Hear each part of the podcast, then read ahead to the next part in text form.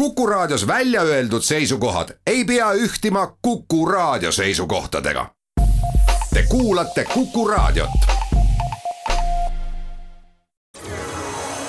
loodusajakiri, vaata ka looduseajakiri.ee. tere kõigile Kuku Raadio kuulajatele, tere saatekülalisele, tere ajakirja Eesti Loodus peatoimetaja Toomas Kukk. tervist. mina olen saatejuht Tiia Rööp. tänase saatega tutvustame teile ajakirja Eesti Loodus aprillinumbrit. selle numbri põhiteemaks on pärandkooslused. rubriigis Kuu looduses kutsub Piret Pappel märkama kärnkonni, kirjutades kärnkonna pulmadest ja kärnkonna pundardest. jah, tõesti, see kevadine konnade paljunemise aeg on äh, ju meil mitut pidi mainitud, eks ole, on nii kevadised konnatalgud, et aidata konni üle tee või vältida, et neid surnuks sõidetakse, kui ka siis eh, nüüd me lihtsalt eh, selles numbris meenutame seda, kuidas eh, kärnkonnad tegelikult paljunevad, et igatahes on kevadine aeg väga kohane ka konnasid meenutada. Aveliina Helm, Tartu Ülikooli botaanika kaasprofessor ja Elizabeth Prangel, Tartu Ülikooli doktorant, kirjutavad pärandniitudest mis hoiavad elurikkust ja inimest. sellest, kuidas pärandniidud on välja kujunenud, milline on nende liigirikkus, sellest on üsna palju räägitud, aga üks tahk pärandniitude juurest, millest minu meelest on vähem juttu tehtud, on see, et liigirikkad rohumaad on väga tõhusad ja ka väga stabiilsed süsinikuladestajad. muutuvates kliimaoludes võivad nad osutuda metsadest palju stabiilsemaks süsiniku sidujaks selles mõttes kindlasti, et äh, kui me seda niitu majandame aastast aastasse samamoodi, siis äh, mulla puumuskihti salvestub seda süsinikku pidevalt ja, ja ta ei, ta ei pääse sealt ka nagu otseselt välja selles mõttes, et äh, kui me näiteks metsas võtame metsa maha, siis pärast seda see mullastik muutub tihtipeale juhtub see, et algne kasvukoha tüüp muutub kas kuivemaks või soisemaks ja sellega seoses, eks ole, ka ta muld muutub, et kui niitu majandada ühtmoodi, siis tänu looma, loomade väliaidetele just karjamaadel see mulla kvaliteet ikkagi kogu aeg paraneb ja samuti ka seotakse sellega siis süsinikku, et see on tegelikult üks pärandkoosluste põhjendus, millele on tegelikult siiani suhteliselt vähe tähelepanu pööratud, minu meelest. leidsime ajakirja Eesti Loodus aprillinumbrit edasi. Jaak Albert Metsoja on oma artikli pealkirjas ilusasti eesti keelega mänginud. kas pingutused läksid luhta? suurepärane Deblamminiitude ehk debluhtade majandamine on,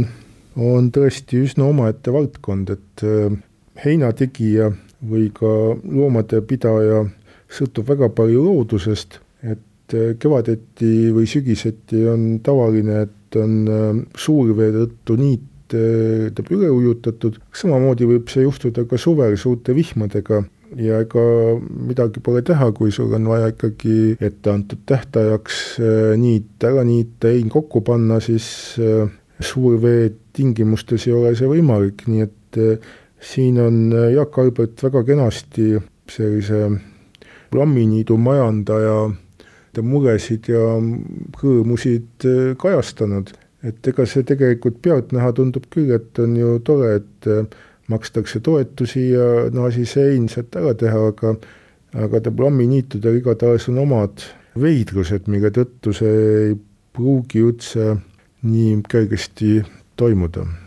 ajakirja Eesti Loodus aprillinumbris kirjutab ka Pille Tomson, Eesti Maaülikooli lektor. artikli pealkiri on Märkamata märjad niidud, milles Pille Tomson juhib tähelepanu, et lisaks luhtadele on väga olulised ka niisked pärisharuniidud soostunud niidud, madalsooniidud ja rohusiirdesood. ka nende hooldamine on keerukas ja ka need on meie maastikest kadumas. ta ütleb ka välja selle, et ähm, meie loodusest leiab pääsusilmi ja kullerkoppe järjest vähem, kas sinul on sama tähelepanek? kindlasti jääb vähemaks just selle tõttu, et seda sobivat äh, elupaika jääb vähemaks et need äh, senised soised niidud on kas võsastunud või teine asi, mis juhtub, et nad äh, eutrofeeruvad, nende toitainete hulk suureneb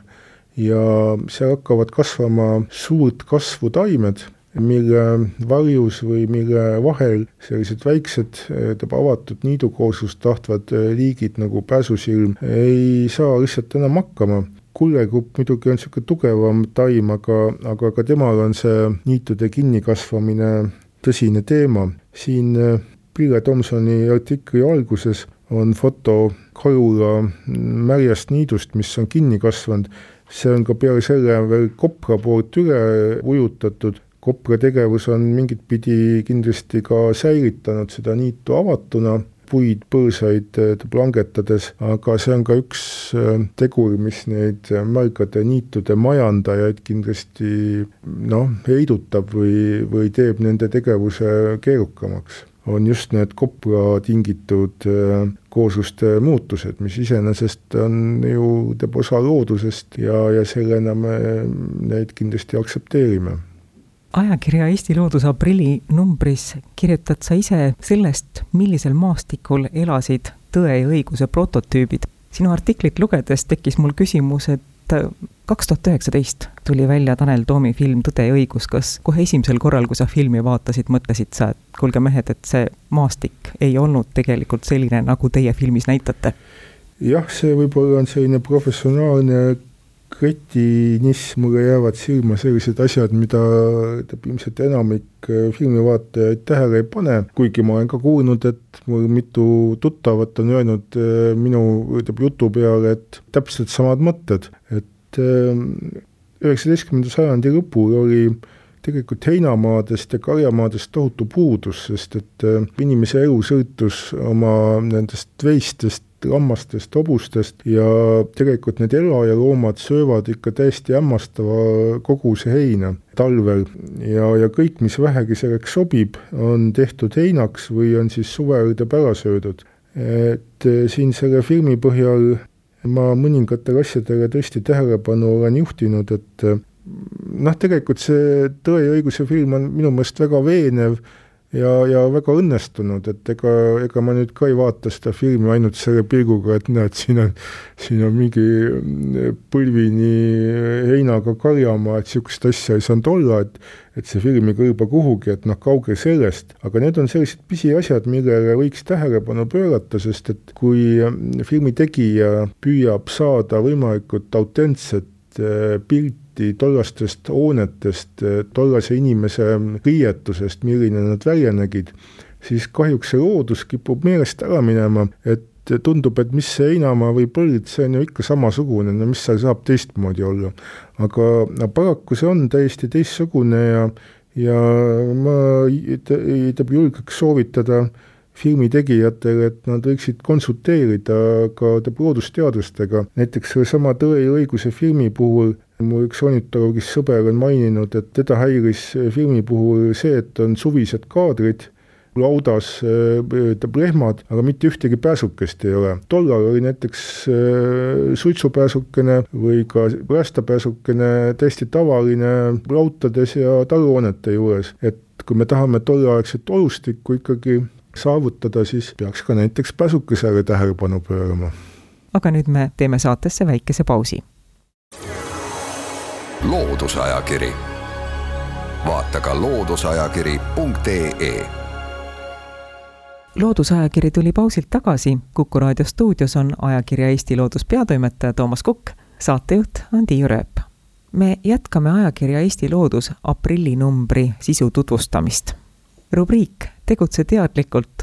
paneb mõtted liikuma suunas, kuidas ühendada esivanemate tarkus ja nüüdisaegne aiapidamine ajaloolane Lauri Vahtre jätkab Eesti Looduse märtsinumbris alguse saanud artiklit Padise maanteest ja lünklike ajalooteadmistega inimene, nagu ma olen, oli minu jaoks muuhulgas huvitav teada saada, et sagedasti tuleb ette juhtumeid, kus saksa keel säilitab põlise eesti kohanime ning sellistel puhkudel on ka tüüpiline, et eestikeelne nimi on tuletatud omakorda saksa keelest? jah, see tõesti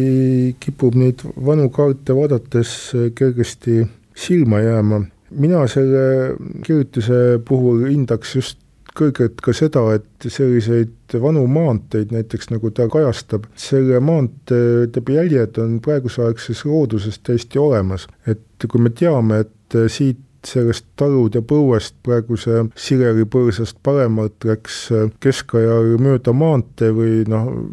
noh, ta ei ole enam päris keskaeg, ta on juba niisugune uuem aeg, et et kui hakkad seda vaatama looduses, siis tõesti näed, ongi, et sellistele jälgedele tähelepanu pööramine on minu meelest väga vajalik ja kindlasti ka väga huvitav ajakirja Eesti Loodus aprillinumbri intervjuu on tehtud meie mehega Hispaanias, kes tegeleb Euroopa naaritsa taasasustamisega. see mees on Madis Põdra. loos on juttu nii Euroopa naaritsast kui võõrliigist mingist Andrei Miljutin jätkab kirjutist Eesti rottidest, keskendub rändrotile ja kodurotile. saame sellest loost teada, millised on liikide erinevused ning need inimesed, kes on arvamusel, et kodurott on meil pärismaine liik ja rändrott on sissetulija, siis tõsiasi on see, et kodurott oli lihtsalt varem, jõudis meile kohale. jah, tõesti tuleb autoriga nõustuda, ega ei oska seda ümber lükata ega tõestada, aga, aga tuleb olla nõus, et eks,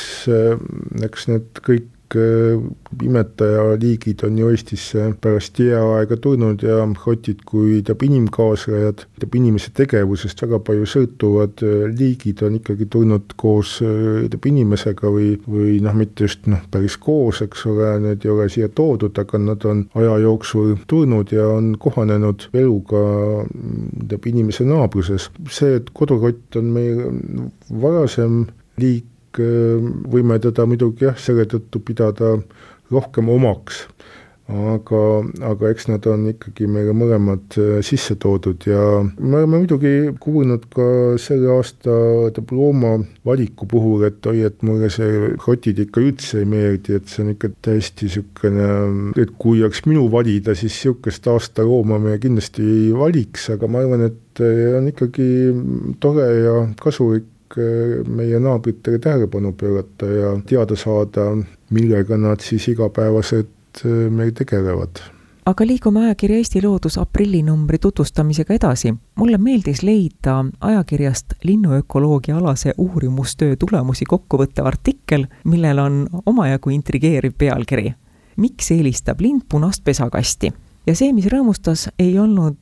mitte intrigeeriv pealkiri ega ka mitte niivõrd artikli sisu, kuivõrd fakt, et töö läbiviijaks ja artikli autoriks on Tallinna Prantsuse Lütseumi õpilane Artur Raik. muidugi ka see, et äh, linnud eelistavad punast värvi pesakaste neutraalsema tooniga pesakastidele on väga huvitav ja uus teadmine. jah, see tundub suhteliselt ootamatuna, sest et ega meie paneme seda punast värvi enamasti ju, kui me just ei ole selle koha pealt tatoonikud, paneme ju looduses väga tähele ja, ja ta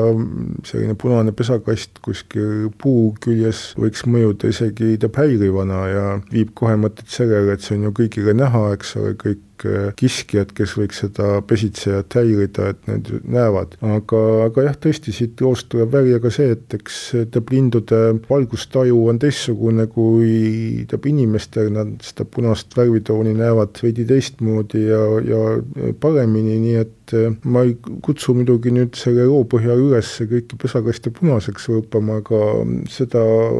artiklit vaadates äh, maksab ka nagu meeles pidada või arvestada, et meie looduse tajumine ja, ja näiteks nende lindude loodustajumine, kellele me neid pesakaste ju teeme, on, on üksjagu erinev ja, ja et ei maksa nagu ainult oma maitsest lähtuvalt äh, neid pesakaste kujundada. mis seda õpilasteadust nagu puudutab, siis on tõesti väga tore, et meil on nüüd üle pulga ajaga üks õpilasuurimus Eesti looduses leidnud kajastamist ja ma siinkohal tõesti kutsuks üles õpilasteadureid julgemini meile kaastööd pakkuma, pakkuma, sest eks me oleme ise ju ka aeg-ajalt eh, üritanud õpilasteaduritelt eh, kaastööd küsida, aga siiani on tihtipeale tulnud ka vastuseks, et õpilasteadurid on nii põivatud, et neil pole aega, aega seda kirjutist teha, et eh, see kahtlemata võib olla tõsi, et meenutades ka oma õpilasteaduri aega, et tõesti oli kogu aeg väga kiire, aga